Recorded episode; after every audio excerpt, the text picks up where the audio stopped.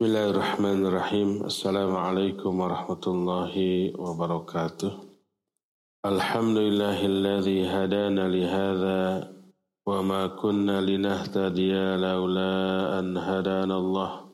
Wa ashhadu an la ilaha illallah wahdahu la syarika lah iqraran bihi wa tauhidan wa ashhadu anna Muhammadan abduhu wa rasuluh sallallahu alaihi وعلى آله وأصحابه وسلم تسليما مزيدا وبعد Alhamdulillah kita kembali berjumpa untuk mengusung satu tema menggapai atau meraih surga di dunia.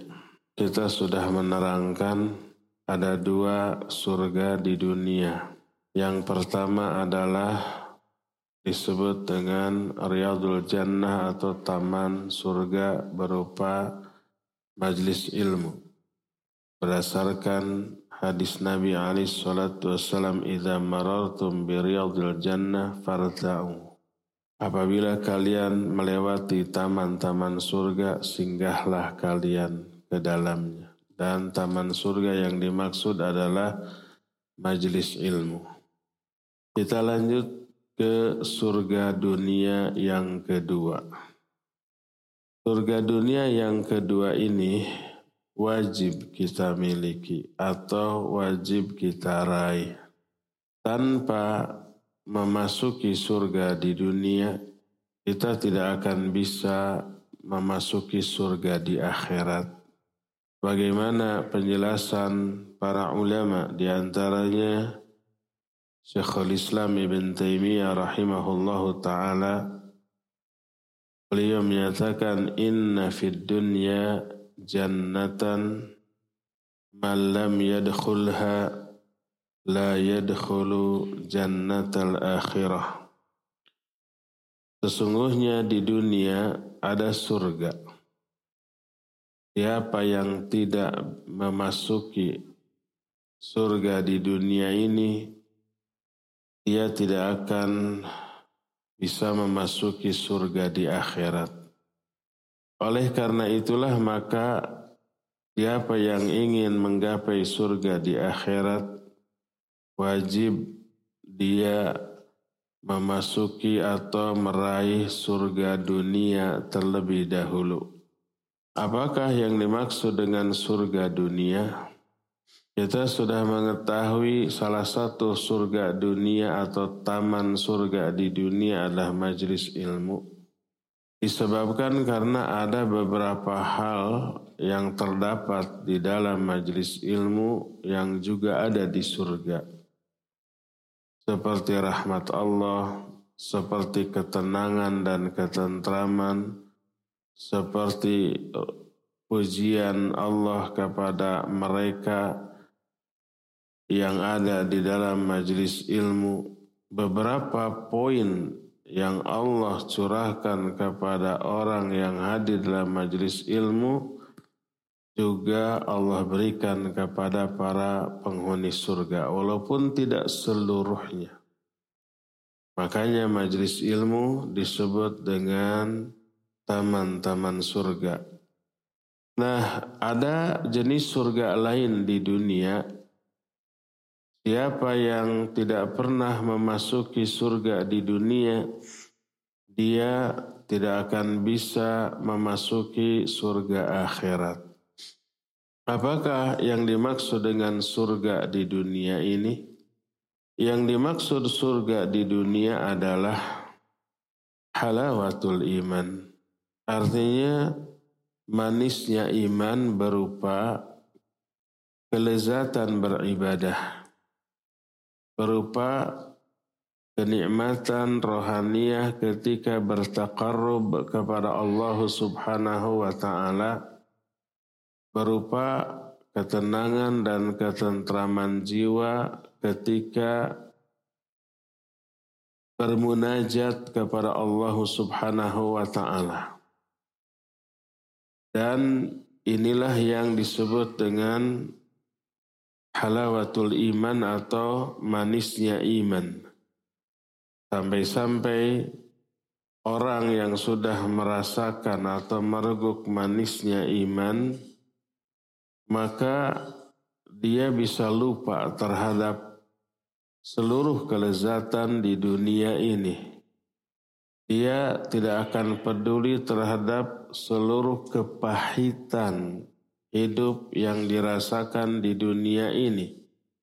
Seluruh rasa sakit, kesedihan, kepahitan yang pernah ada di dunia sedikit pun tidak akan bisa mengganggu atau mengurangi kenikmatan surga dunia yang sudah teraih oleh seseorang. Maka tidak heran kata Al-Imam An-Nawawi rahimahullah wa min halawatil iman al-khusyu' fi shalah. Di antara bentuk manisnya iman adalah khusyuk di dalam solat. Ketika zaman dahulu para sahabat para ulama tabi'in, tabi'ut tabi'in, saking mereka khusyuknya di dalam sholat, sampai-sampai para sahabat dan para ulama ketika mereka sholat, mereka tidak menyadari tidak menyadari apa pun yang terjadi di sekelilingnya. Tidak mendengar ucapan, obrolan, teriakan orang-orang yang ada di sekelilingnya Bahkan ketika salah seorang di antara mereka ada yang uh, terkena panah yang tertancap di dalam tubuhnya, maka dia menyuruh orang-orang untuk mencabut panah itu ketika dia sholat. Kita tahu mencabut panah yang tertancap itu tidak segan, tidak segampang mencabut duri atau jarum. Karena panah itu ada ada apanya namanya? Tantolannya gitu begitu masuk susah. Dan sakitnya nggak kebayang dia meminta agar orang-orang mencabut panahnya ketika dia sholat agar apa tidak merasakan sakitnya sakitnya itu tertutup tercover oleh surga dunia yang dia rasakan dalam sholatnya berupa apa ketenangan, ketentraman, kekhusyuan. Dan ini salah satu di antara bentuk manisnya iman. Kata Imam An-Nawawi, wa min halawatil iman al-khusyu' fis salah. Di antara bentuk manisnya iman adalah khusyuk di dalam salatnya. Sampai seperti itu yang teralami oleh para sahabat dan para ulama zaman dahulu ketika salatnya. Nah, ini pula yang menyebabkan seluruh derita yang pernah dirasakan atau yang dialami oleh para ulama itu tidak membuatnya sedih, stres, atau merasa menderita. Tidak. Karena apa? Karena di dalam dada mereka sudah ada surga. Sebagai contoh umpamanya, apa yang dialami oleh Syekhul Islam Ibn Taimiyah rahimahullahu ta'ala. Beliau sepanjang hidupnya penuh dengan penderitaan. Sampai beliau ditahan di penjara, dihujat, disiksa, sampai wafatnya pun di dalam penjara. Nyaris tak pernah merasakan kesenangan hidup di dunia sampai tidak sempat membentuk keluarga, menikah enggak. Beliau menikah bukan karena tidak laku kalau mau ahwat antri itu yang mau jadi istri. Tapi tidak sempat. Karena hidupnya penuh dengan perjuangan mencari ilmu dan menyebarkan ilmu berdakwah, berdebat sampai ditahan di penjara, disiksa dan wafatnya pun di dalam penjara. Apa komentar beliau dan bagaimana penilaian para muridnya termasuk yang diungkapkan oleh Al-Imam Ibn Qayyim rahimahullahu ta'ala. Ketika Imam Ibn Qayyim melayat gurunya ini di dalam penjara, apa yang dikatakan oleh gurunya, oleh Syekhul Islam Ibn Taimiyah. Beliau menyatakan, Ma yasna wa'adaibi Inna jannati wa bustani fi sadri Aynama ruhtu fahiya la tufarriquni. Kata Syekhul Islam, apa yang dilakukan oleh musuh-musuhku terhadapku? Gak ngaruh. Karena sungguhnya surgaku dan tamanku itu selalu berada dalam dadaku ke mana pun aku pergi dia selalu menyertaiku tak pernah berpisah dari diriku walaupun hanya sekejap.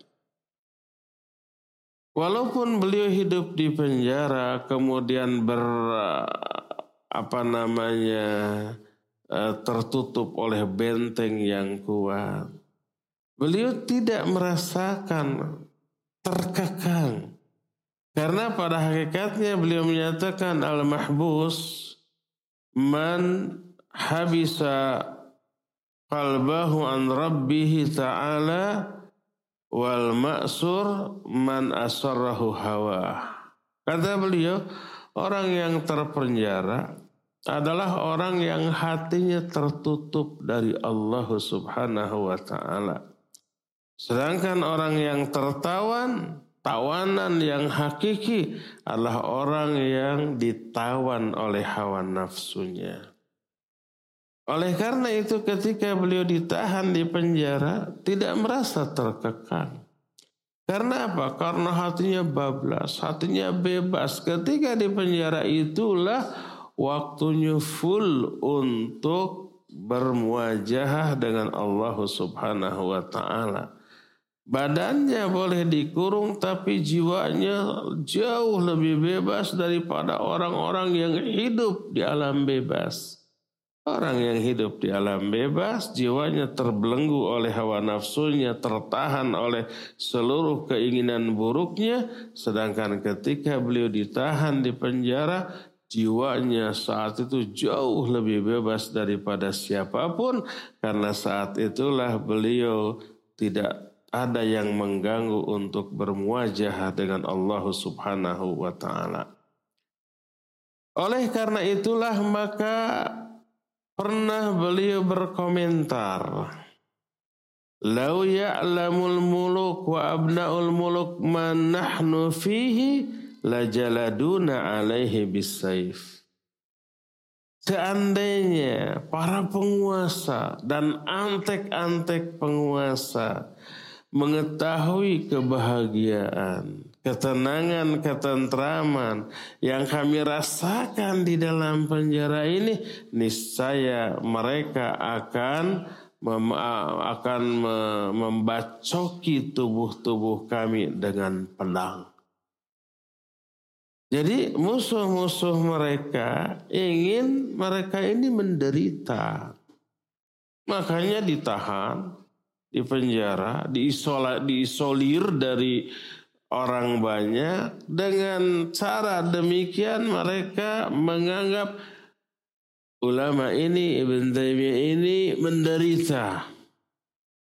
Padahal pada hakikatnya itulah kondisi yang menyebabkan dia berada dalam kebebasan yang tak terbatas. Bebas untuk apa? Untuk beribadah kepada Allah. Nggak ada yang mengganggu. Bebas untuk berkomunikasi, berdialog, berdoa, berzikir kepada Allah.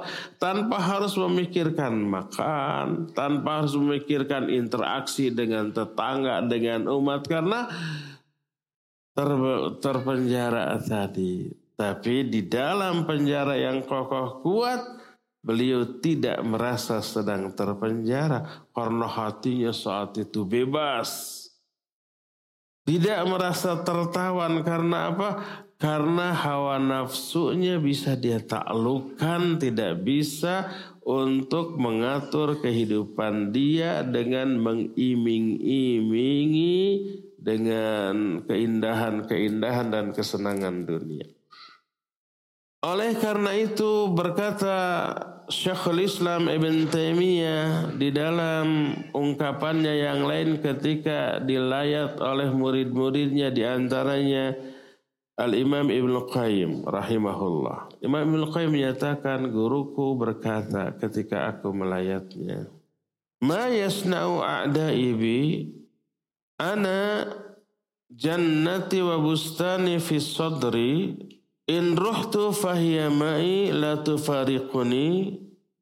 In habasani a inna habsi khulwatun wa qatli syahadah wa ikhraji min baladi siyahah apa yang dilakukan oleh musuh-musuhku kepadaku?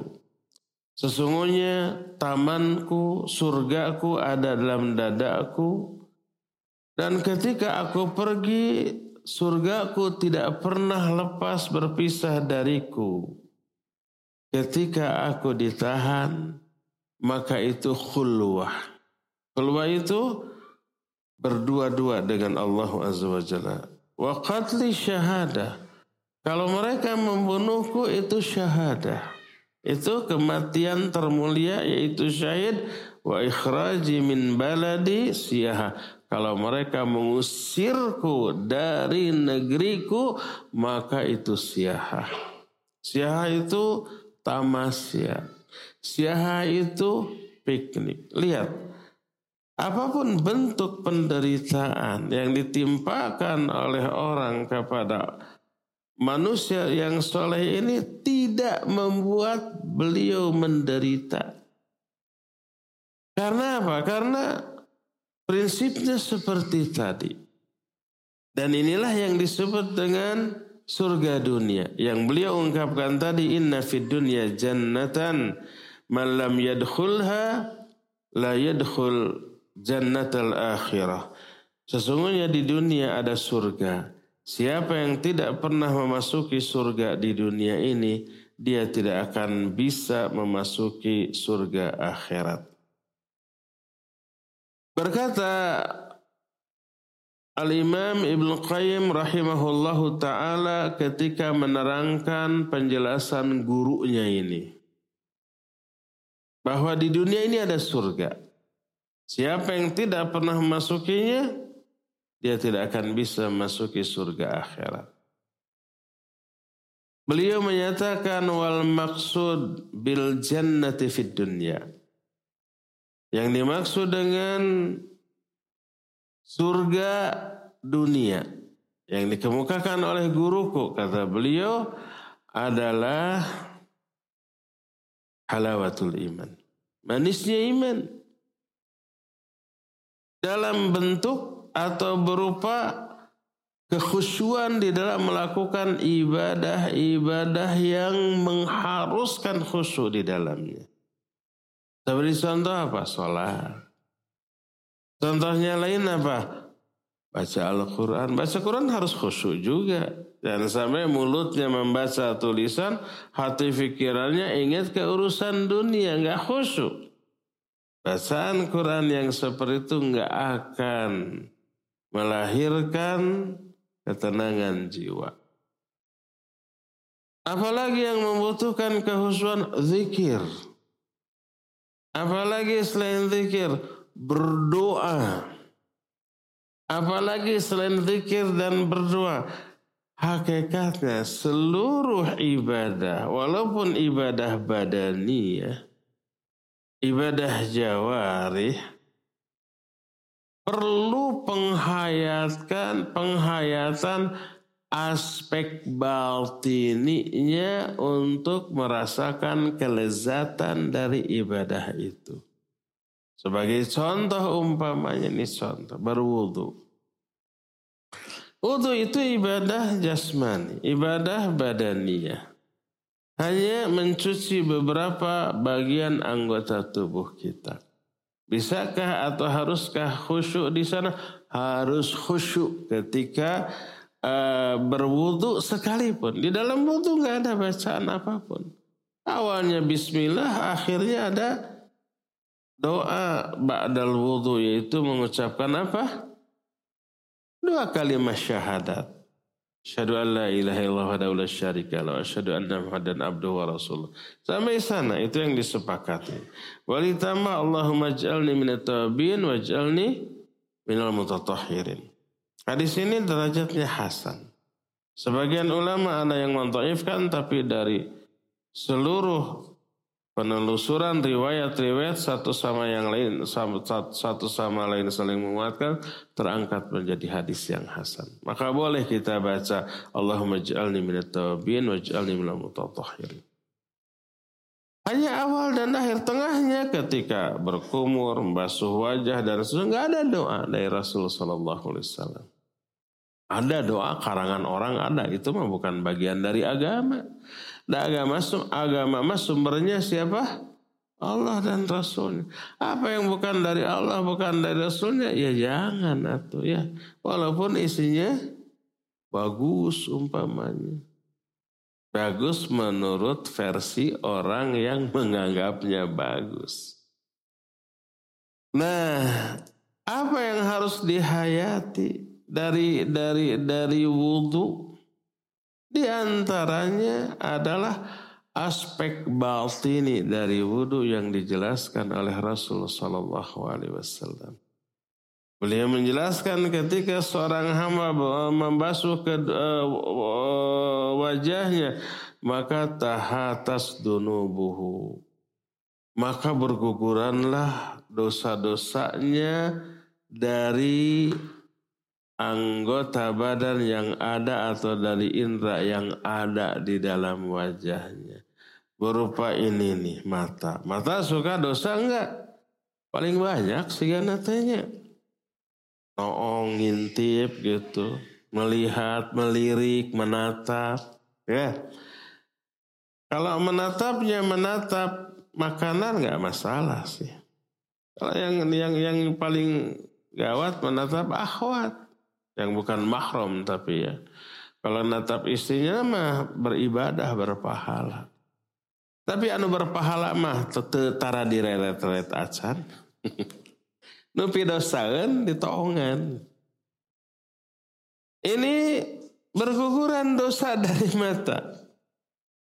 Apalagi yang sering bikin dosa dari apa yang ada di wajah? Lisan, ya enggak? Makanya walaupun dalam Quran enggak ada perintah untuk membasuh, untuk berkumur-kumur, Nabi SAW prakteknya berkumur-kumur. Qurannya enggak ada. Apa Nabi nambah-nambah? Ya enggak. Tapi apa yang dilakukan oleh Nabi ketika berwudu itu penafsiran beliau berdasarkan bimbingan wahyu dari Allah tentang fagsilu wujuhakum. Ya ayuhalladzina amanu idza qumtum ila salati fagsilu wujuhakum. Hai orang-orang yang beriman, apabila kamu mau sholat, maka basuh wajah-wajah kamu. Fagsilu, bagi yang pernah belajar nahu, ini sudah fi'il fa'il, fi'il amar dengan fa'ilnya. Wujuha maf'ulun bi, maf'ulun bi itu objek. Tapi dalam bentuk apa? Uh, jama wujuha. Wujuhakum. Maka kalau dalam bentuk jama adalah seluruh bagian wajah. Luarnya ataupun dalamnya. Luarnya. Di ini bagian dalamnya apa? Hidung dan mulut. Makanya praktek Nabi Ali Shallallahu Wasallam ketika mengamalkan ayat ini ada cuci hidung dan cuci bagian dalam mulut istinsyak ya enggak? Istinsyak itu apa? Menghisap air ke hidung. Bagian dalam hidung, bagian dalam termasuk bagian mulut yang harus di eh, bagian wajah yang harus dicuci. Demikian juga bagian dalam mulut. Makanya ada kumur-kumur.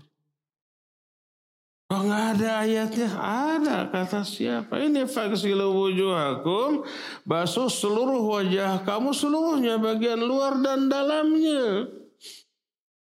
Maka apa yang dosa yang pernah dilakukan oleh mulut dan ini yang paling banyaknya dosa yang diperbuat oleh mulut itu bisa dusta, bisa gibah, bisa mencela, ya bisa mengatakan kata-kata yang kotor, yang keji, bisa jebi juga tuh bisanya. Ada umpanya orang yang kita benci di jebian. Nah itu juga dosa.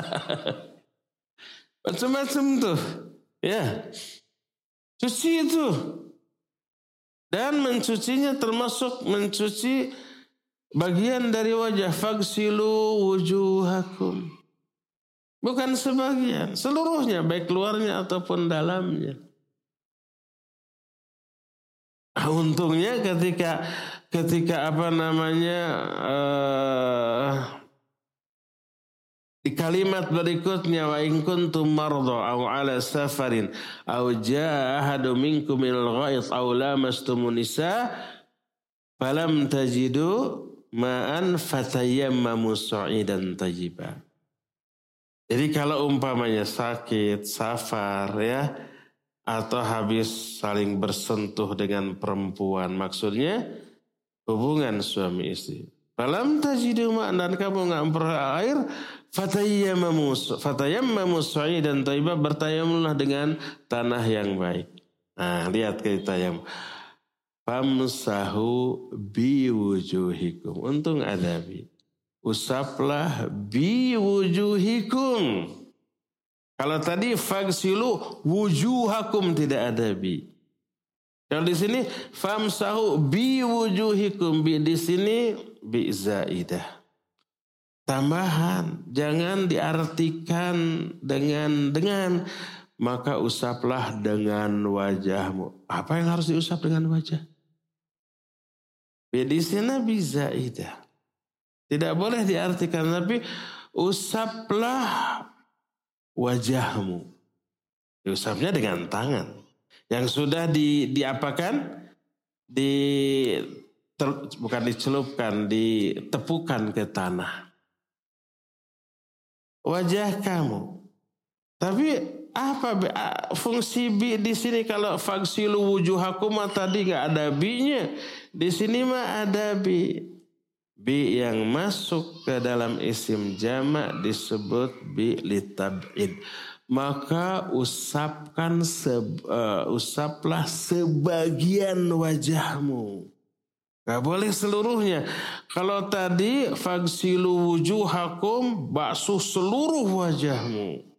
Ternyata prakteknya Nabi membasuh wajah bagian luar dan bagian dalamnya juga. Pas tayamum tambah biusap sebagian wajah. Prakteknya Nabi SAW mengusapkan seluruh bagian luar wajah. Kan sebagian kata iya. Sebab ada sebagian wajah yang tidak terusap yaitu bagian dalam mulut dan bagian dalam hidung. Untung ada bi di sana. Kalau nggak ada bi umpah famsahu wujuhakum. Usap seluruh bagian wajahmu dengan debu. Apa konsekuensinya coba? Apa konsekuensinya? Jawab itu paham nggak ini teh? Harus apa?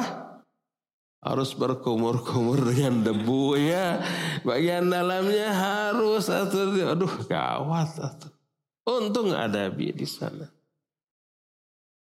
Famsahu biwujuhikum Prakteknya Nabi mengusap seluruh bagian luar dari wajah. Kan sebagian dia, karena sebagian lainnya itu bagian dalam nggak diusap tuh. Jadi fungsi dari air yang dibasuhkan tahatas dunubuh.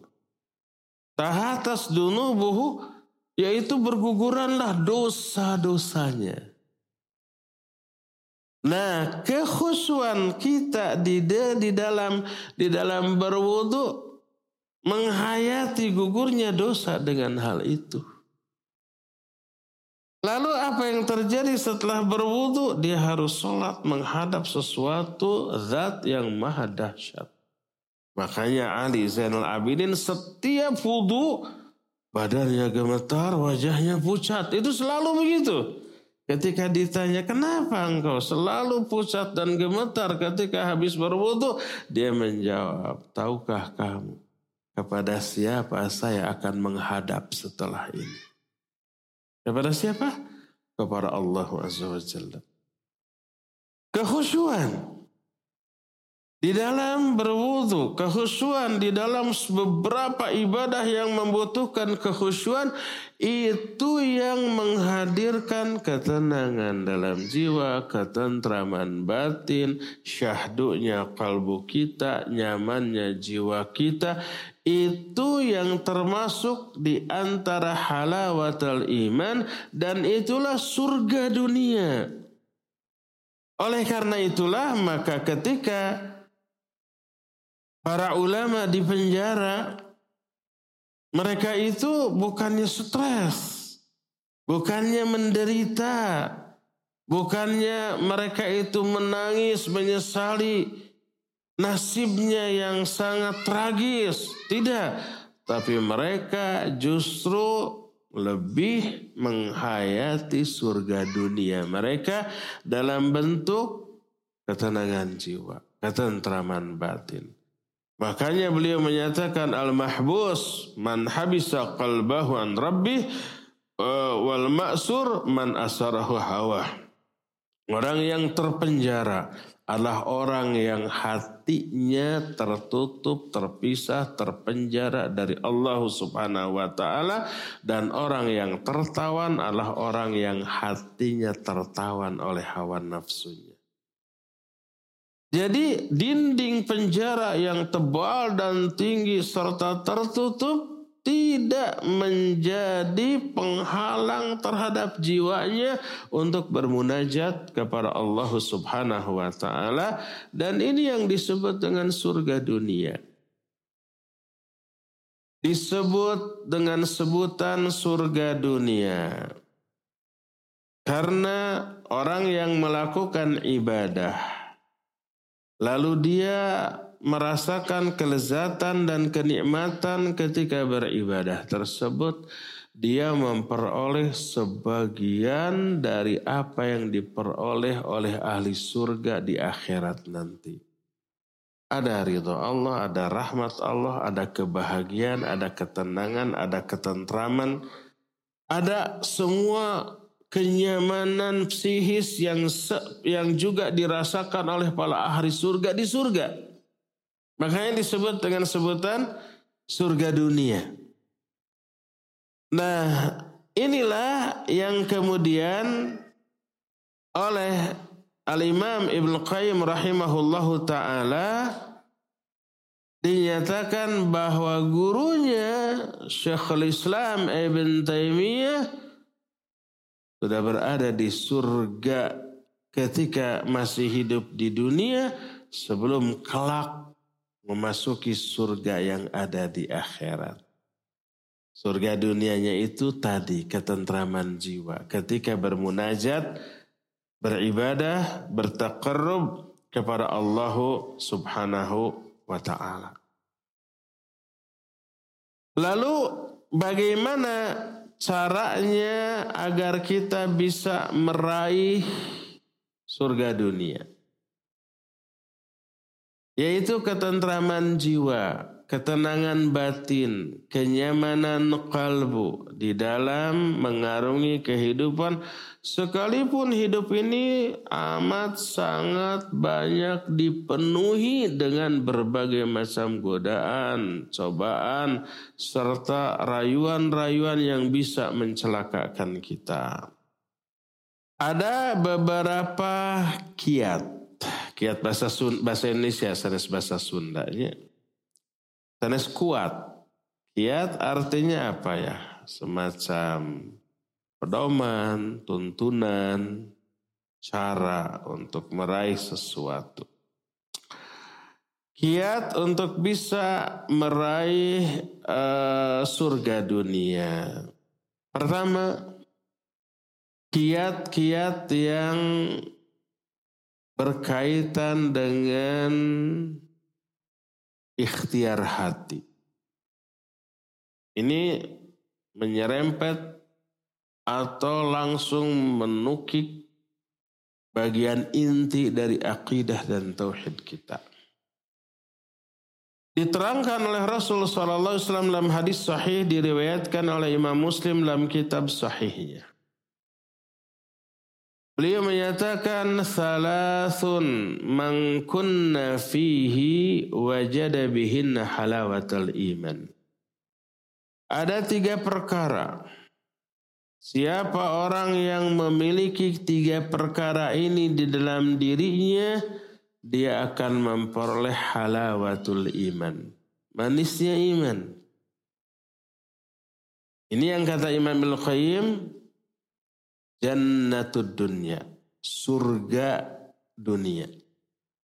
Surga di dunia itu halawatul iman. Manisnya iman.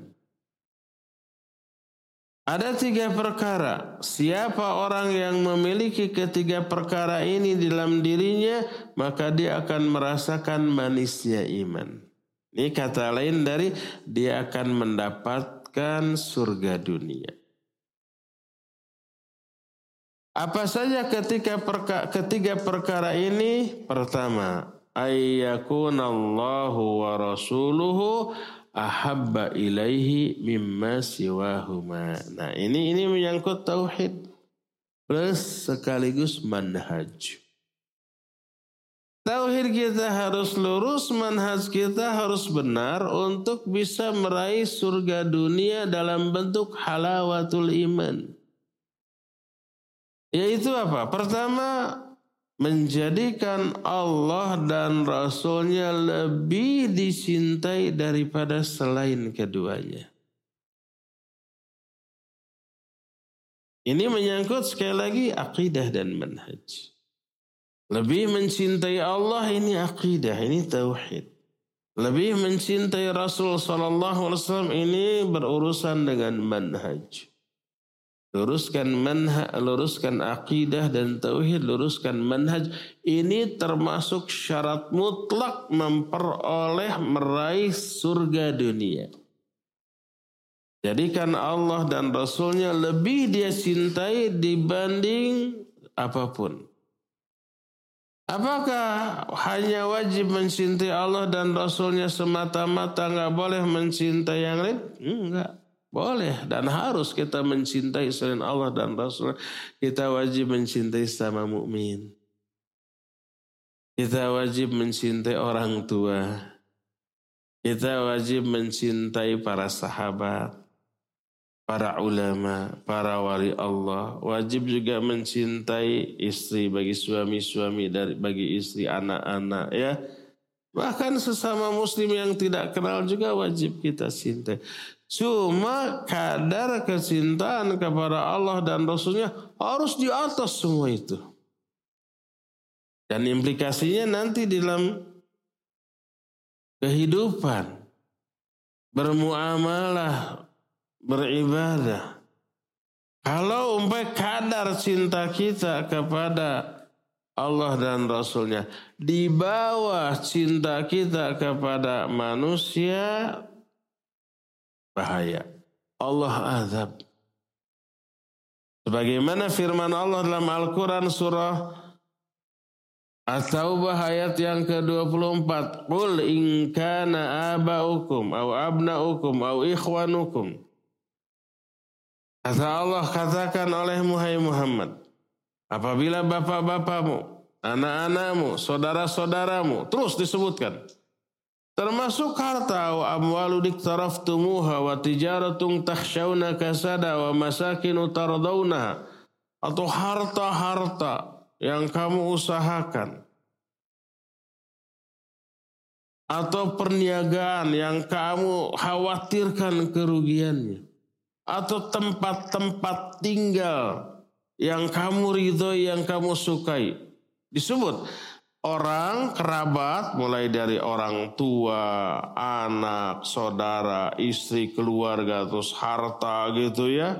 Semua jenis harta tuh, termasuk usahanya, perniagaannya, termasuk rumah, ya, kendaraan dan susah. Ahabba ilaikum minallahi wa rasulihi wa jihadin fi sabilih fatarabbasu hatta ya'ti Allahu bi amrih.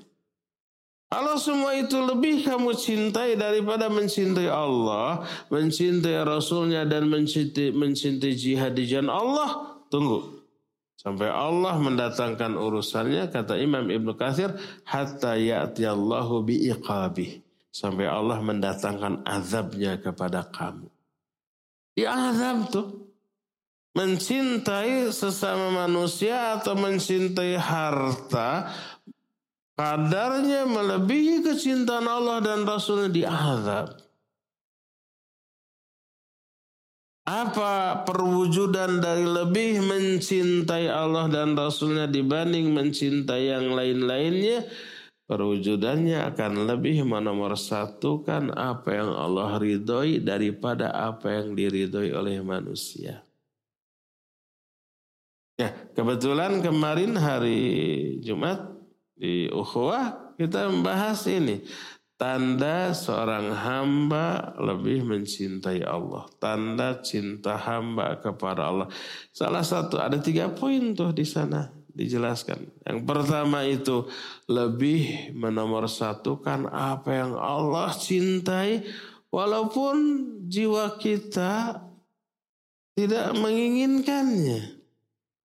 Rata-rata apa yang Allah cintai berat untuk kita lakukan ya iman, ibadah, amal soleh berat. Dan menjauhi, membenci apa yang Allah benci sekalipun hawa nafsu kita selalu cenderung kepadanya. Rata-rata apa yang Allah benci, apa yang Allah larang, jiwa kita menyukainya ya. Makanya peminatnya banyak tuh. Perbuatan-perbuatan yang Allah haramkan sekalipun merusak, sekalipun harganya mahal, sekalipun resikonya tinggi, sekalipun dilarang oleh negara, eh tetap peminatnya banyak ya. Mabuk. Dilarang nggak oleh negara? Gak tahu, dilarangnya merenya. Zina judi gitu ya. Itu kan oleh Allah dilarang, oleh negara juga dilarang. Juga biayanya besar ya. Judi itu bisa habis uang. Zina itu tarifnya 80 juta. yang pernah tersebar begitu. Tergantung kelasnya merenya 80 ribu ayah meren. Mabuk. Mahal apa murah? Kopi, segelas kopi di emperan paling tiga ribunya enggak? Kalau mabuk itu ratusan ribu sampai jutaan. Tapi laku loh. Hati manusia cenderung. Sebagai bukti kita lebih mencintai Allah adalah lebih menomorsatukan apa yang Allah cintai walaupun hawa nafsu kita tidak menginginkannya dan menjauhi apa yang Allah murkai sekalipun jiwa kita amat menyukainya. Ini salah satu di antara wujud rasa cinta kita kepada Allah Subhanahu wa taala. Dan banyak lagi lah contoh-contoh yang lain yang kita tidak akan perpanjang karena terbatasnya waktu. Jadi yang pertama kiat untuk meraih surga dunia berupa halawatul iman adalah lebih mencintai Allah dan Rasul dibanding yang lain-lain. Dibanding orang tua kita, anak istri kita, sahabat kita, apalagi dunia dan isinya ini. Ini yang pertama. Yang kedua, yang kedua ini aspek sosial. Bagaimana kita berinteraksi dengan orang. Wa ayyuhibbal mar'a la yuhibbuhu illa lillah. Yang kedua ini, ingat. Halawatul iman atau surga dunia manisnya iman. Salah satunya kata Imam An-Nawi al-khusyu fi sholah. Manisnya iman adalah khusyuk di dalam sholat, di dalam berzikir, di dalam baca Al-Quran, di dalam berdoa itu khusyuk, itu halawatul iman. Ternyata untuk meraih kekhusyuan tidak bisa lepas dari interaksi kita. Bagaimana kita berinteraksi dengan masyarakat sekitar. Makanya yang kedua kata Rasul sallallahu alaihi wasallam. Cara untuk meraih manisnya iman yang kedua adalah mencintai seseorang sesama muslim nih dan tidak mencintai orang itu kecuali karena Allah. Bukan mencintai karena dia banyak duitnya, siapa tahu kecipratan. Pas kerema enggak, enggak suka lagi. Bukan mencintai karena dia pejabat, siapa tahu diangkat jadi asistennya, pembantunya, ya tukang mukakan pantun lagi lumayan atau pantau mobil. Bukan karena pangkatnya, kekuasaannya, bukan. Tapi karena iman. Dan tanpa adanya rasa cinta kepada sama mumin, iman gak ada. Cinta kepada sama mumin itu wujud adanya iman. Gak ada cinta, gak ada iman. Innamal mu'minuna ikhwah. Hanyalah mukmin dengan mukmin itu bersaudara. Kalau saudara harus ada rasa cinta. La tadkhulul jannata hatta tu'minu wa la tu'minu hatta tahabu. Tuh bayangkan. Kamu gak bisa masuk surga sebelum kamu beriman. Dan kamu tidak dikatakan beriman sebelum kamu saling mencintai karena Allah. Wajib mencintai karena Allah dengan sama mukmin. Dan cinta ini bukan sekedar di mulut loh. Wajib diaplikasikan. Tapi penjelasan ini nggak bisa sekarang karena ini materi tersendiri. Bagaimana mewujudkan rasa cinta kepada sama mumin ini materi tersendiri, panjang, lebar dan dalam. Tapi yang jelas mencintai sesama mumin karena Allah Azza wa Jalla termasuk salah satu syarat untuk bisa meraih surga dunia. Salah satu syarat untuk bisa khusyuk itu harus mulia akhlaknya kepada sesama. Ah, ini saya kasih bocoran sedikit. Cara yang benar untuk mencintai sesama mukmin, cara yang benar hanya satu cara, nggak ada cara lain. Yaitu apa? Menunjukkan kemuliaan akhlak kepada setiap orang. Itu cara yang benar mencintai orang lain. Akhlak kita mulia kepada sesama dijamin orang semua akan suka. Orang semua akan senang. Orang semuanya akan ridho. Dan orang semua akan memberikan feedback yang positif kepada kita. Kita menunjukkan kemuliaan akhlak, dia senang kita, dia balik eh, menunjukkan kemuliaan akhlak juga kepada kita. Kita menunjukkan rasa cinta karena Allah kepada mereka, mereka juga akan begitu. Walaupun tadinya mereka tidak suka, mereka ada kebencian, mereka ada antipati ke kita, tapi begitu kita tunjukkan kemuliaan akhlak bisa berbalik loh. Bisa terhapus kedengkian yang ada dalam dirinya, kebencian yang ada dalam dirinya, karena kemuliaan akhlak yang kita tunjukkan. Ternyata menunjukkan kemuliaan akhlak berpengaruh kepada kekhusyuan sholat. Sholat ini tidak hanya bisa diraih dalam aspek internal diri kita semata-mata enggak. Tapi ada kaitan dengan aspek eksternal, muamalah kita dengan tetangga, dengan sesama saudara, bahkan dengan musuh kita. Ada akhlak terhadap musuh juga. Nah ini poin yang kedua. Untuk meraih surga dunia dalam bentuk halawatul iman atau manisnya iman adalah mencintai sesama karena Allah. Ini yang kedua, kalau yang pertama akidah dan manhaj, yang kedua akhlak. Ketiga, nah ini hijrah. Yang ketiga kata Rasul Sallallahu Alaihi Wasallam di antara Cara untuk meraih halawatul iman adalah ayyakraha ayyauda fil kufri ba'da id anqadahu Allahu min kama yakrahu ayyuqdhafa finnar.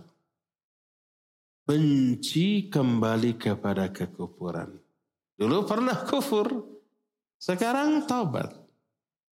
Dulu pernah syirik, sekarang berhenti. Dulu pernah ahli maksiat, sekarang total meninggalkan. Dan benci untuk kembali ke sana. Membenci kembali kepada kekufuran setelah Allah menyelamatkan dia dari kekufuran itu dengan cara diberikan hidayah. Sebenci apabila dia dilemparkan ke dalam api neraka. Semua kita pasti nggak mau dilempar kepada api neraka. Akan menjauh Semenjauh itulah kita kembali kepada masa lalu kita yang kelam. Setelah hijrah, jangan kembali menoleh ke belakang. Lupakan tatap masa depan. Ini yang kita istilahkan zaman sekarang dengan istilah hijrah karena hakikat hijrah kata Rasul sallallahu alaihi wasallam al muhajiru man hajara manahallahu anhu Seorang yang hijrah adalah orang yang meninggalkan apa-apa yang dilarang oleh Allah. Apa yang haram, apa yang dibenci oleh Allah. Yang mungkin dahulu sudah menjadi bagian dari hidup kita. Sekarang kita menyadari itu salah, itu keliru. Lalu kita tobat.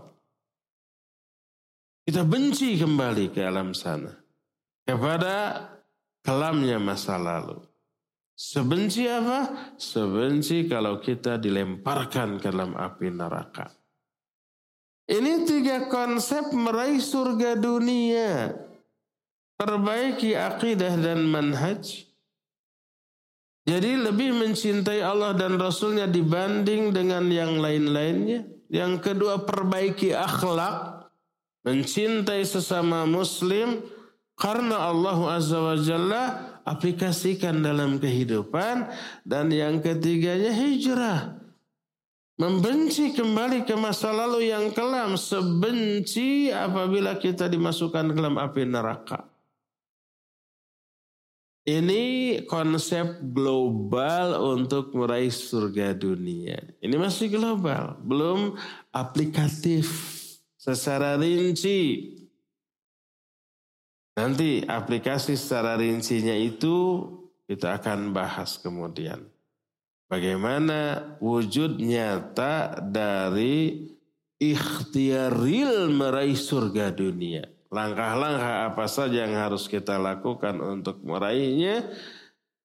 Lalu kita berupaya untuk meraihnya maka surga dunia akan didapatkan berupa apa? Ketenangan jiwa, ketentraman batin, nyamannya hati, teduhnya kalbu kita, betahnya kita beribadah kepada Allah Subhanahu wa taala dan ini yang menyebabkan kita bisa berpaling dari kesenangan-kesenangan dunia dan tidak tidak tertipu, tidak terlena oleh kesenangan dunia. Di saat uh, seseorang sudah demikian, coba lihat akibatnya. Dunia berebut mengejar dia di saat dia atau dunia itu hina dalam pandangan dia. Jadi sesuai dengan sabda Rasul Sallallahu Alaihi Wasallam, siapa orang yang mengejar akhirat dengan membelakangi dunia, dunia akan mengejar dia dalam keadaan dunia ini hina dalam pandangannya. Inilah penjelasan kita di pagi hari ini cukup sampai di sini saja dan kita masih memiliki sisa waktu beberapa detik untuk tanya jawab. Bagi yang akan bertanya dipersilakan. Wassallallahu ala nabiyina Muhammadin wa ala alihi wa ashabi wassalam.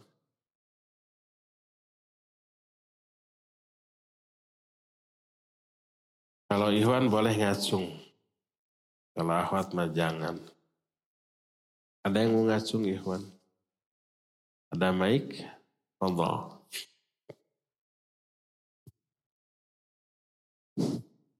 Assalamualaikum Ustaz. Assalamualaikum warahmatullahi wabarakatuh. Apa hukumnya mendoakan kebaikan kepada pelaku riba seperti semoga cicilannya lancar atau semoga segera lunas. Terima kasih jazakumullah khairan. Iya, wa jazakallahu khairan. Mendoakan kebaikan bagi pelaku riba. Bagus apa tidak? Bagus. Kalau isi doanya bagus. Bahkan kepada orang kafir, orang musyrik yang musuh Islam doakan kebaikan. Kebaikan dalam bentuk semoga diberi hidayah berhenti dari kejahatannya masuk Islam. Demikian juga kepada seluruh ahli maksiat apa pun bentuk maksiatnya. Kepada para perampok kita doakan semoga tobat berhenti dari rampoknya. Nah sekarang kepada para pelaku riba. Doakan kebaikan, iya. Pertama semoga dapat hidayah berhenti dari ribanya. Kedua, setelah dia sadar tahu bahwa itu dosa besar. Tapi sudah kadung terjerat. Lalu kita doakan semoga cepat lunas.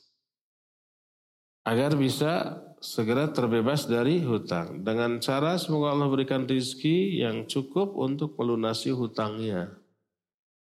Lunas. Bayar nggak ribanya? Ya harus dibayar. Kalau nggak dibayar, ditagih terus ya nggak? Bisa disita seluruh barang kita. Dia bayar, bukan karena menganggap halal terhadap riba yang diberikan, karena kan sudah kadung, kita belum tahu gitu sebelumnya. Nah sekarang sudah tahu ya tetap bayar. Bukan karena menganggap halal terhadap riba yang kita berikan, tapi untuk menghindarkan riba yang tak berujung nanti. Ah saya mah hanya bayar pokoknya aja, bunganya mah enggak haram tahu. Mereka mah yang meminjamkan nggak peduli halal haram, pokoknya anggar ya walaupun pokoknya lunas, bunganya belum dibayar, nanti berkembang lagi nggak? Iya, bunga berbunga. Pinjam 3 juta, rumah kita 300 juta bisa disita loh. Betul apa benar? Sekarang ada pinjol. Waliyadzubillah. Ketika kita buka HP umpamanya buka YouTube atau apa, yang muncul pertama apa? Pinjol ya enggak? Iklannya tuh sudah legal berarti. Kayak yang ringan, pinjam 10 juta, bayar 10 juta 21 ribu. Ah bunganya cuma 21 ribu. Ngejebak loh itu. Ya bulan nggak dibayar udah 30 juta tuh. Nah jadi boleh didoakan boleh, tapi doakan semoga setelah lunas kapok. Yang jelas dia harus terbebas dari dosa riba tersebut. Semoga cepat lunas dan berhenti dari dari hal itu. Boleh nggak kita pinjamkan untuk melunasi? Kalau memang dia ingin tobat dari riba, kalau sudah terjerat belum punya uang untuk bayar, boleh dalam rangka itu. Pinjamkan, lunas sudah. Tapi kalau umpamanya dia ingin segera melunasi, melunasi biar bisa mengajukan yang lebih gede, jangan. Eh cicilan tinggal 10 juta lagi, aduh dosa. Woy. Pinjem dong. Dikasih 10 juta, lunas pinjem lagi 100 juta. Ketok gitu. Jangan di, kalau kalau begitu jangan. Karena dia bukan tobat dari dari riba. Jadi kalau orang ingin segera lunas dari riba karena tobat bantu. Kalau kita mampu ya.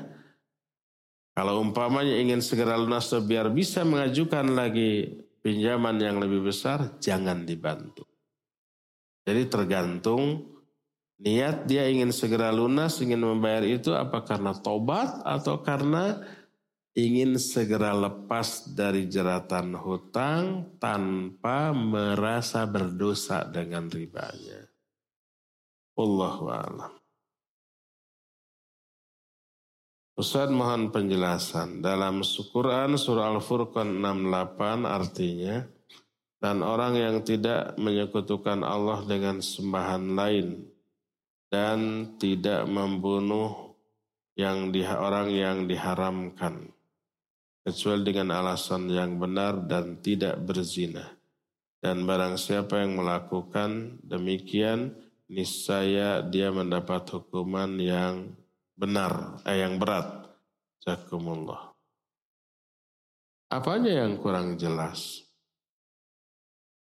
Apakah yang dimaksud itu uh, tidak membunuh yang diharamkan kecuali dengan alasan yang benar? Itu mungkin. Apakah ada alasan yang benar untuk membunuh? Ya ada. Pertama tentu saja di medan perang. Walaupun musuhnya sesama muslim. Loh kok bisa? Iya, pemberontak, bugot, ya, khawarij, seperti itu. Sebagaimana yang pernah teralami di zaman para sahabat. Peperangan antara sesama muslim. Yang bugot, khawarij ya. Yang memerangi penguasa yang sah apa boleh buat atau ya. Nah, selain peperangan apa lagi? Bersabda Nabi SAW, La yahilu damu muslim illa bi ihdath Tidaklah halal darah seorang muslim kecuali salah satu di antara tiga alasan. Pertama, as-sayyibuz zani. Sayyib yang berzina. Sayyib itu uh, yang pernah menikah. Baik masih punya suami atau istri. Atau sudah dengan apa satu lagi lawan duda? Wanitanya? Janda. Gak apal karena janda. Lupa lagi.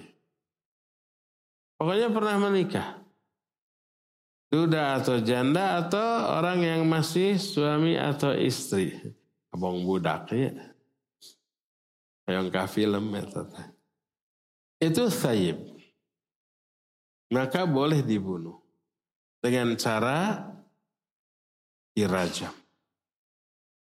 Melalui persidangan yang memfonisnya hakim.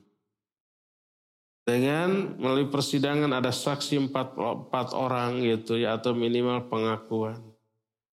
Lalu dilaksanakan oleh Al-Gojo. Mati? Iya mati. Yang kedua, wan nafsu bin nafsi qisas. Orang membunuh maka si pembunuhnya dibunuh lagi. Ini juga dengan proses sidang. Gak boleh umpah ada orang bunuh, bunuh lagi. Lunas, sudah enggak.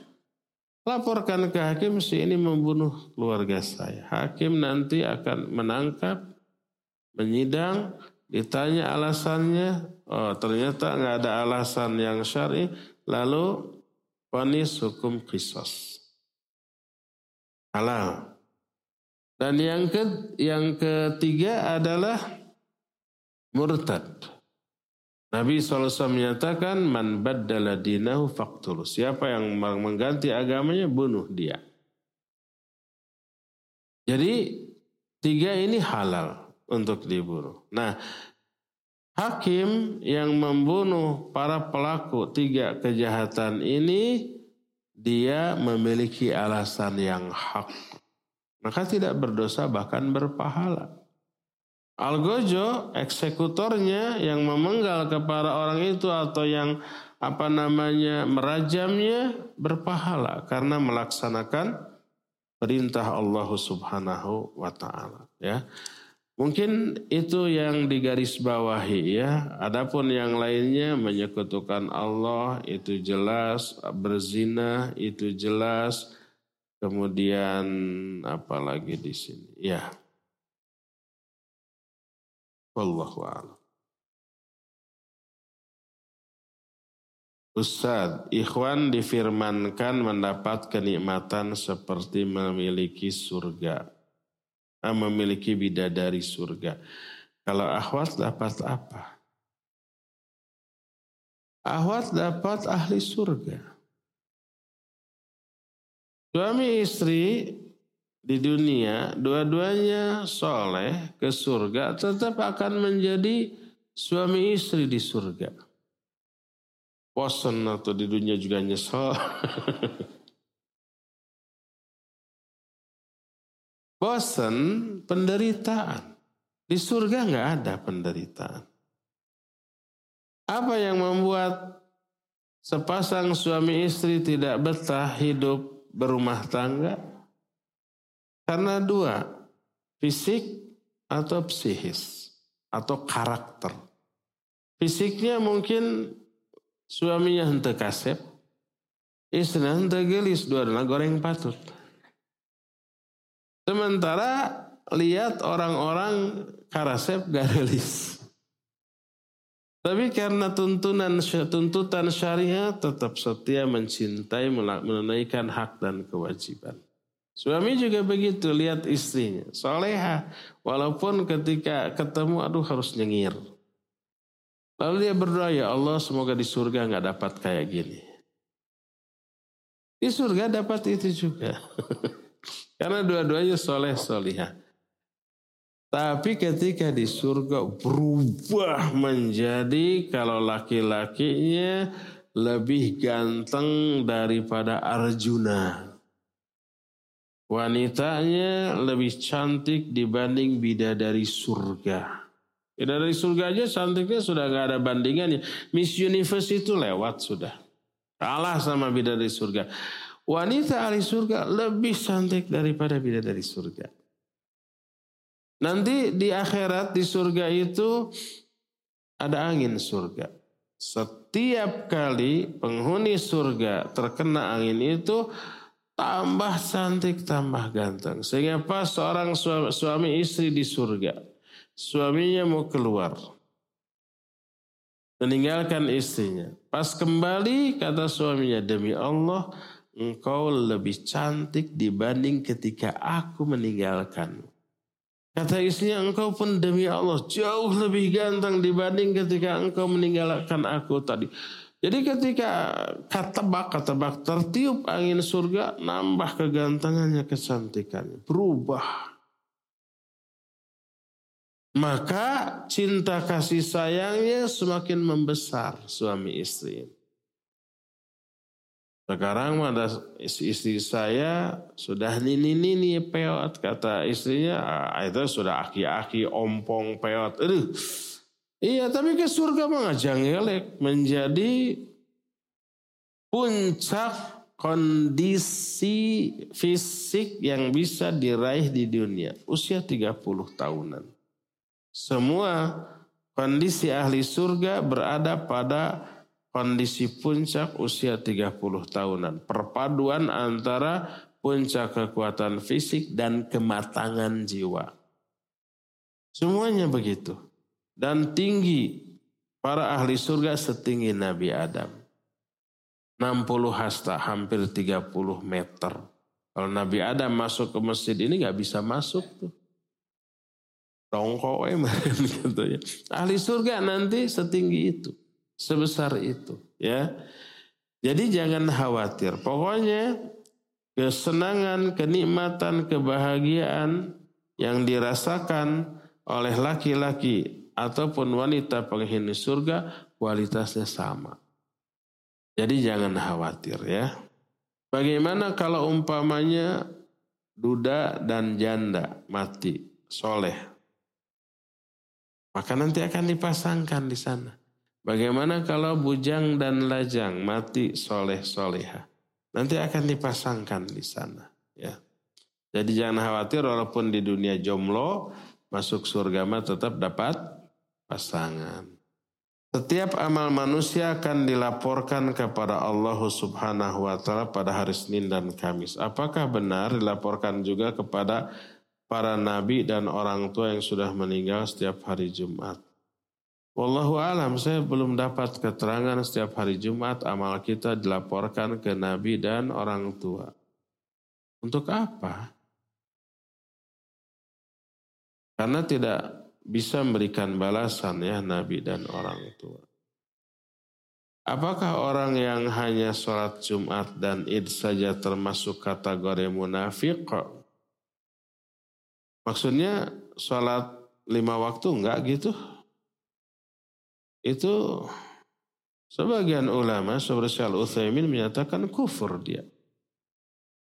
Kalau umpamanya dia meninggalkan sholat lima waktu karena ingkar kepada kewajibannya, semua ulama sepakat dia kafir, murtad.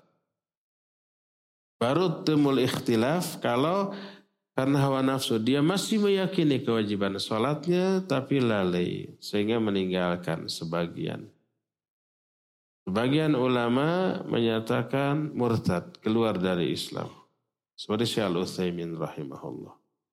Dalam hukum tarikis sholat.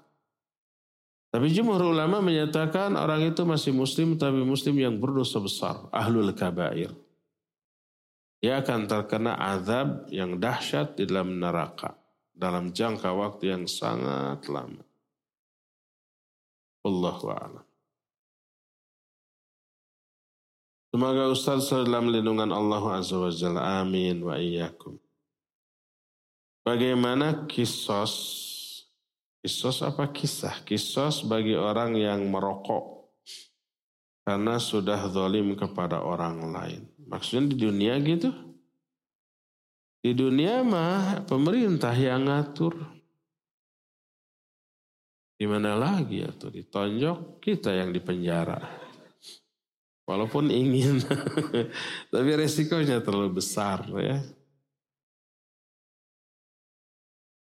Dan bagaimana dengan pahala ibadah orang yang merokok tersebut seperti ibadah sholat, saum, umroh, haji, dan lain-lain. Jangan kaget ya, saya tidak mau main-main dalam urusan. Ibadah perokok itu ditolak. Berdasarkan nas ayat. Allah menyatakan inna sholata tanha anil fahsya'i wal munkar. Salat bisa mencegah dari perbuatan keji dan munkar. Keji itu perbuatan yang merugikan diri sendiri. Tidak merugikan orang lain seperti berzina. Berzina merugikan orang lain? Tidak. Tapi dirinya sendiri yang rugi. Makanya disebut innahu kana fahisyah. La taqrabu zina. Innahu kana fahisha. Wasa sabila. Jangan kamu dekati zina karena dia fahisha, keji. Merugikan orang lain tapi, eh merugikan diri sendiri tapi orang lain gak ada yang rugi.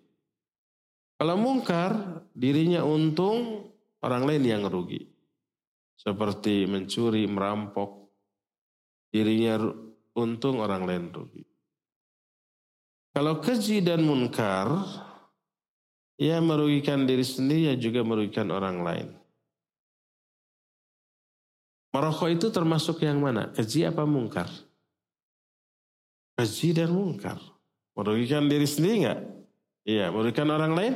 Iya, keji dan mungkar. Nah itu harusnya terhapus oleh sholat. Kalau sholatnya benar. Inna sholata tanha anil fahsyai wal munkar. Salat itu bisa mencegah perbuatan keji dan munkar. Kalau salatnya tidak bisa merubah, menghentikan dia dari keji dan munkar, salatnya ditolak. Malam yantahi salatuhu anil fahsyai wal munkar, lam yazdad minallahi illa buda. Siapa orang yang salatnya tidak menjauhkan diri, tidak menghentikan dia dari keji dan munkar, tidaklah dia bertambah dari Allah kecuali bertambah jauh. Nah, Orang seperti terancam dengan fawailul lil musallin. Celaka orang yang sholat. Yang bagaimana alladzina an sholatim yaitu orang yang lalai dari tujuan sholat pakaian bukan pakai fi.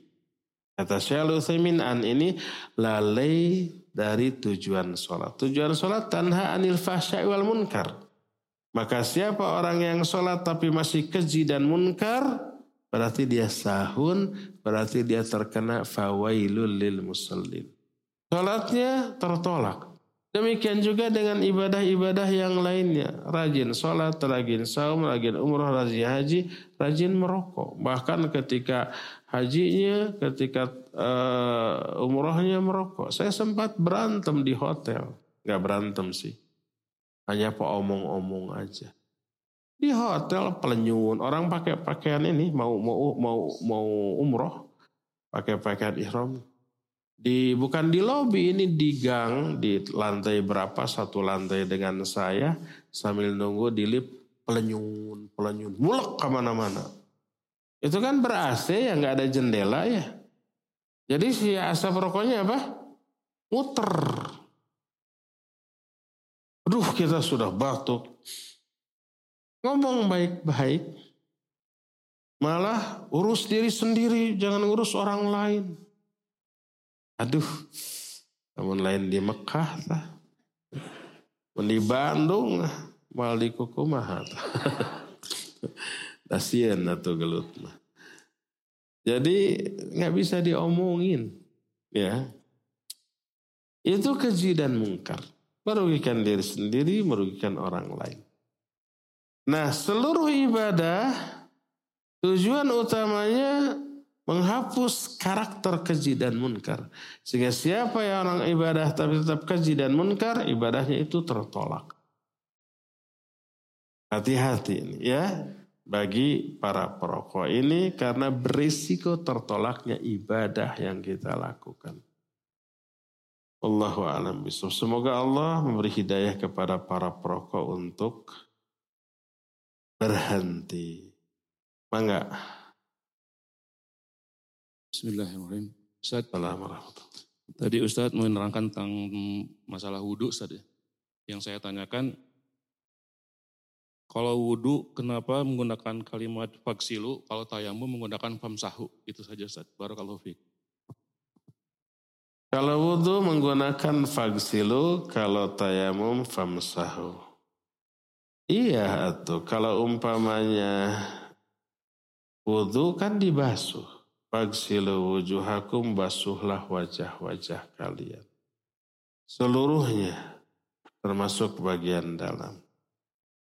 Kalau tayamum famsahu diusap, usapkan karena memang mengusap. Usapkan tangan yang sudah kamu tepukan ke dalam tanah tersebut. Usapkan ke wajah, usapkan ke kedua tangan sampai pergelangan. Kalau umpamanya pada waktu apa namanya tayamum menggunakan fagsilu wujuhakum, cucilah wajah kalian dengan tanah. Pas apa tidak? Ya tidak. Mencuci mah dengan air. Dengan tanah mah usapkan. Jadi perbedaannya jelas ya antara mencuci dengan mengusap. Allahu a'lam. Taqatulah kaiwan ya. Bismillah. Uh, semoga Ustadz dan keluarga selalu dalam perlindungan Allah Azza wa Jalla. Amin wa iyyakum. Uh, Ustadz mungkin ada nasihat buat kita sebagai, uh, sebagai pendidik. Bagaimana cara menanamkan nilai tauhid kepada peserta didik uh, sebagaimana yang kita ketahui beberapa sekolah khususnya sekolah Islam uh, apa namanya mungkin sudah menerapkan nilai-nilai nilai-nilai sunnah sebagai uh, apa contohnya peserta didik uh, apa namanya dianjurkan untuk makan menggunakan tangan kanan kemudian masuk kamar mandi membaca doa dan sebagainya tapi uh, mungkin tidak dijelaskan kepada peserta didik kenapa kita harus berdoa sebelum makan, kemudian kenapa kita harus berdoa sebelum masuk kamar mandi dan lain sebagainya. Barakallahu fiikum. Barakallah. Bagaimana cara menanamkan akidah anak didik kita gitu? Ini mah judul materi yang harus dibahas dua jaman. Antum guru di BISC adakan khusus cara menanamkan akidah ke para anak didik. Usulkan ke kepala sekolahnya tuh. ya, panjang. Sebenarnya dia tuh mau mengusulkan. Kalau di sekolah mungkin nggak ada waktu atau kurang didengar diusulkan ke sini. terakhir ya. Sudah lewat waktunya. Ustadz izin bertanya, insya Allah berapa bulan lagi anak akan melaksanakan ibadah umroh dengan ditemani kakak laki-laki anak. Barang sayang nggak nih? Karena suami anak meninggal dunia enam bulan yang lalu. Ini nama iklan terselubung. Ustaz, apakah boleh anak membadalkan suami anak umroh setelah pelaksanaan ibadah umroh anak selesai? Atau harus sama kakak anak yang pernah melakukan ibadah haji dan umroh? Apakah untuk membadalkan umroh ada syarat-syaratnya? Taib, barakallahu fiqh. Iya, pertama boleh badal umroh. Kedua, yang menggantikannya dia harus sudah umroh terlebih dahulu. Kalau dia belum berumroh untuk dirinya, maka tidak boleh menjadi badal bagi yang lainnya. Bagaimana caranya? Nah, untuk satu kali safar perjalanan ke sana hanya disyariatkan satu kali umroh. Tidak disyariatkan berkali-kali umroh walaupun banyak kesempatan. Karena Nabi dan para sahabat tidak mencontohkan melakukan berkali-kali umrah. Nabi Ali Shallallahu Wasallam ketika foto Mekah, ya sebagian riwayat 20 hari, sebagian riwayat 18 hari.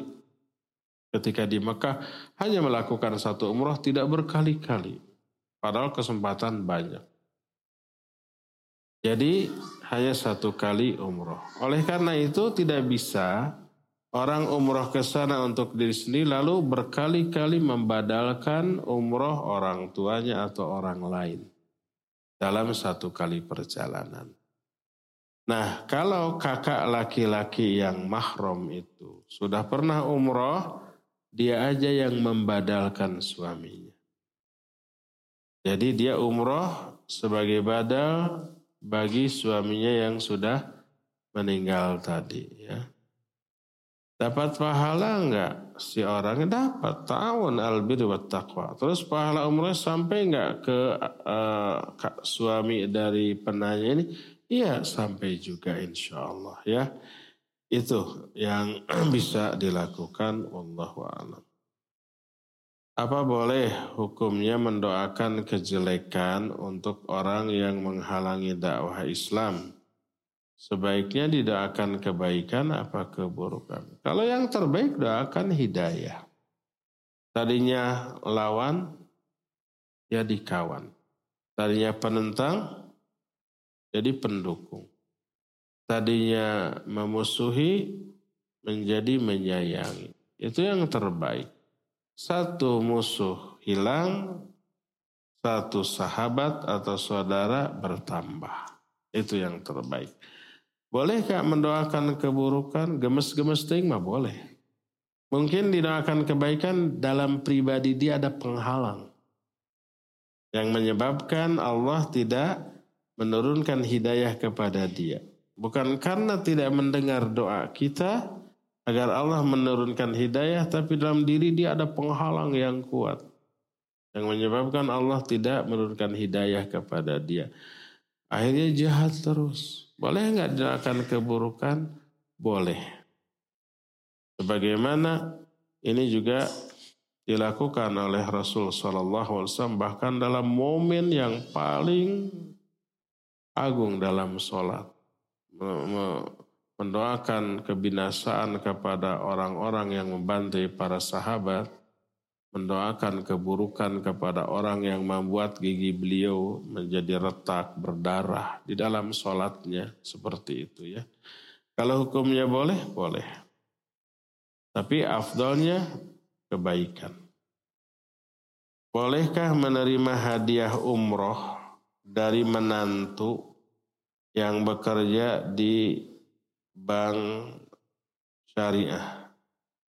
Secara teoritis bank syariah benar. Terlepas dari apa? Prakteknya ya. Sebab orang yang hijrah dalam aspek perbankan dari konvensional ke syariah itu ada tiga tipe. Tipe yang pertama ini yang terbaik benar-benar hijrah. Ingin lepas dari riba. Ingin lepas dari dosa yang sangat besar. Sekecil-kecil dosa riba sama dengan apabila seorang berzina dengan ibunya. Itu dosa terbesar berzina. Lebih besar daripada berzina dengan orang lain. Nah, jadi ingin lepas dari itu, maka dia beralih ke perbankan syariah. Ini pertama. Yang kedua ada orang yang beralih ke perbankan syariah itu karena lihat pasar. Sekarang kaum muslimin keseluruhan meningkat gitu ya. Jadi nggak mau riba, akhirnya beralih ke bank syariah, akhirnya Nah, bank juga menetapkan itu bukan karena tahu uh, takut terhadap haramnya riba, tapi ini lebih menguntungkan. Akhirnya banyak orang yang beralih dari konvensional ke ke syariah. Akhirnya ikut-ikutan semua bank. Ya, bank orang kafir juga buka atau syariahnya. Itu yang kedua. Yang ketiga, ada yang karena tugas aja. Yang karena tugas cuma ditugaskan di perbankan syariah ya oke. Bukan karena meyakini haramnya riba. Nah dua terakhir ini berbahaya. Jadi dia nggak peduli ini halal atau haram yang penting banyak nasabah masuk. Nanti bisa diutak atik lah gitu ya. Yang penting dikemas atas nama syariah Walaupun di dalamnya masih ada unsur bunganya, ada unsur ghararnya, ada unsur maisirnya, ada unsur-unsur yang terlarangnya. Yang penting dikemas dalam sebutan syariah. Yang terbaik yang pertama itu ya. Nah itu prakteknya begitu. Tapi secara teoritis ya bisa perbankan syariah ini diterapkan. Jadi kalau ada hadiah dari bank syariah ya boleh Silakan. Dari oh, maksudnya menantu yang kerjanya di sana ya. Terakhir jangan ada lagi yang bertanya. Afan bertanya di luar pembahasan tema. Mohon solusinya. Ana sering diberi upah tambahan oleh pimpinan di tempat Ana bekerja, bahkan nyaris per bulan. Tapi Ana selalu menolak upah tersebut karena Ana tahu kalau upah tersebut tidak dianggarkan dalam program tahunan instansi tempat Ana kerja. Dan pimpinan tetap memaksa Ana untuk menerimanya dengan alasan ini kebijakan saya sebagai pimpinan. Apa hukumnya uang itu? Terima aja karena dia yang berwenang, pimpinan perusahaan berwenang mengatur dirutnya umpamanya atau manajernya umpamanya. Dia berwenang mengatur lalu lintas keuangan keluar masuk keuangan. Dia merasa ada karyawan yang prestasinya bagus dikasih hadiah bulanan tahunan semesteran. Halal boleh. Kalau nggak mau sini aja ke saya kan. Ambil berikan ke saya. Itu jadi boleh karena itu kebijakan yang berwenang. Cukup ya sampai di sini. Insyaallah kita jumpa kembali yang akan datang. Subhanakallahu bihamdik. Asyhadu an la ilaha illa anta. Astaghfiruka wa atubu ilaik. Walhamdulillahi rabbil alamin. Wassalamualaikum warahmatullahi wabarakatuh.